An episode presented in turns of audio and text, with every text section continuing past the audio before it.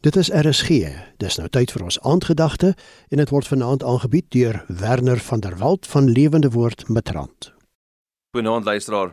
Ek dink aan dit wat ek en jy partykeer saam dra. Almal van ons dra partykeer hartseer of laste saam. En partykeer is dit wat ons regtig onderkry van tyd tot tyd. Goed in ons lewens wat ons nie kan breek nie. Dit word soos 'n bagasie, swaar bagasie wat ons saamdra en eintlik ons onderdruk. Paulus sê in Filippense 3:13: "Nee broers en susters, Ek reken self nie dat ek alles wat ek moet wees nie. Maar een ding is seker, ek vergeet dit wat agter my lê en ek strek my uit na dit wat voor lê. Ek jaag wenpaal toe na die hemelse prys wat God deur Christus Jesus aan my gee.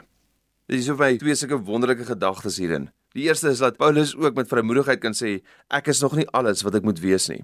Dis partykeer hoe ek en jy voel. Ons wil so graag meer volwasse wees as kinders van die Here. Ons wil so graag 'n beter ambassadeur vir Jesus wees hier op aarde maar ons kom nie by die standaard wat ons vir onsself stel vir dit noodwendig uit nie. En Paulus het ook so gevoel. Maar dan sê Paulus net vir ons wat hy kort kom nie. Hy sê ook wat hy doen daar rondom. As hy vergeet die dinge wat agter lê en hy strek hom uit na dit wat voor lê. Ek dink aan 'n baie bekende gedig geskryf deur Portia Nelson. Die Engelse titel is A Autobiography in Five Short Chapters. En dit gaan eintlik deur iemand wat sukkel met verslawing se ervaring. Sê eers sien ek 'n gat, toe val ek daarin. Dis hoofstuk 1.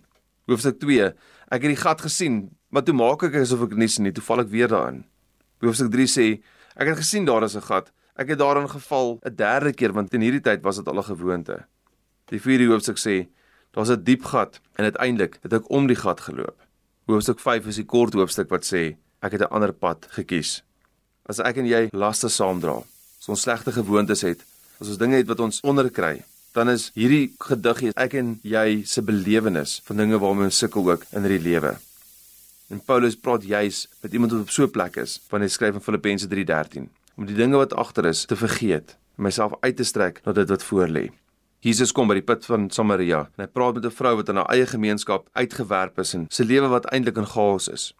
En toe Jesus met haar praat, sê hy vir haar hierdie belangrike woorde: As jy maar geweet het wie voor jou is, Die antwoord vir oorwinning, die antwoord vir 'n nuwe rigting inslaan in die lewe, is nie nog 'n program nie. Is nie harder werk nie. Dit is nie 'n dit nie, dit is 'n iemand, die persoon van Jesus Christus. Hy maak alles nuut. Kom ons bid saam. Here, dankie dat ons by u voete laste kan neerlê, ons self kan uitstrek na dit wat voor lê. Ons weet u hou ook vir ons oorwinning en die toekoms in Jesus naam. Amen. Die aandgedagte hierop RSG is aangebied deur Werner van der Walt van Lewende Woord Matrant.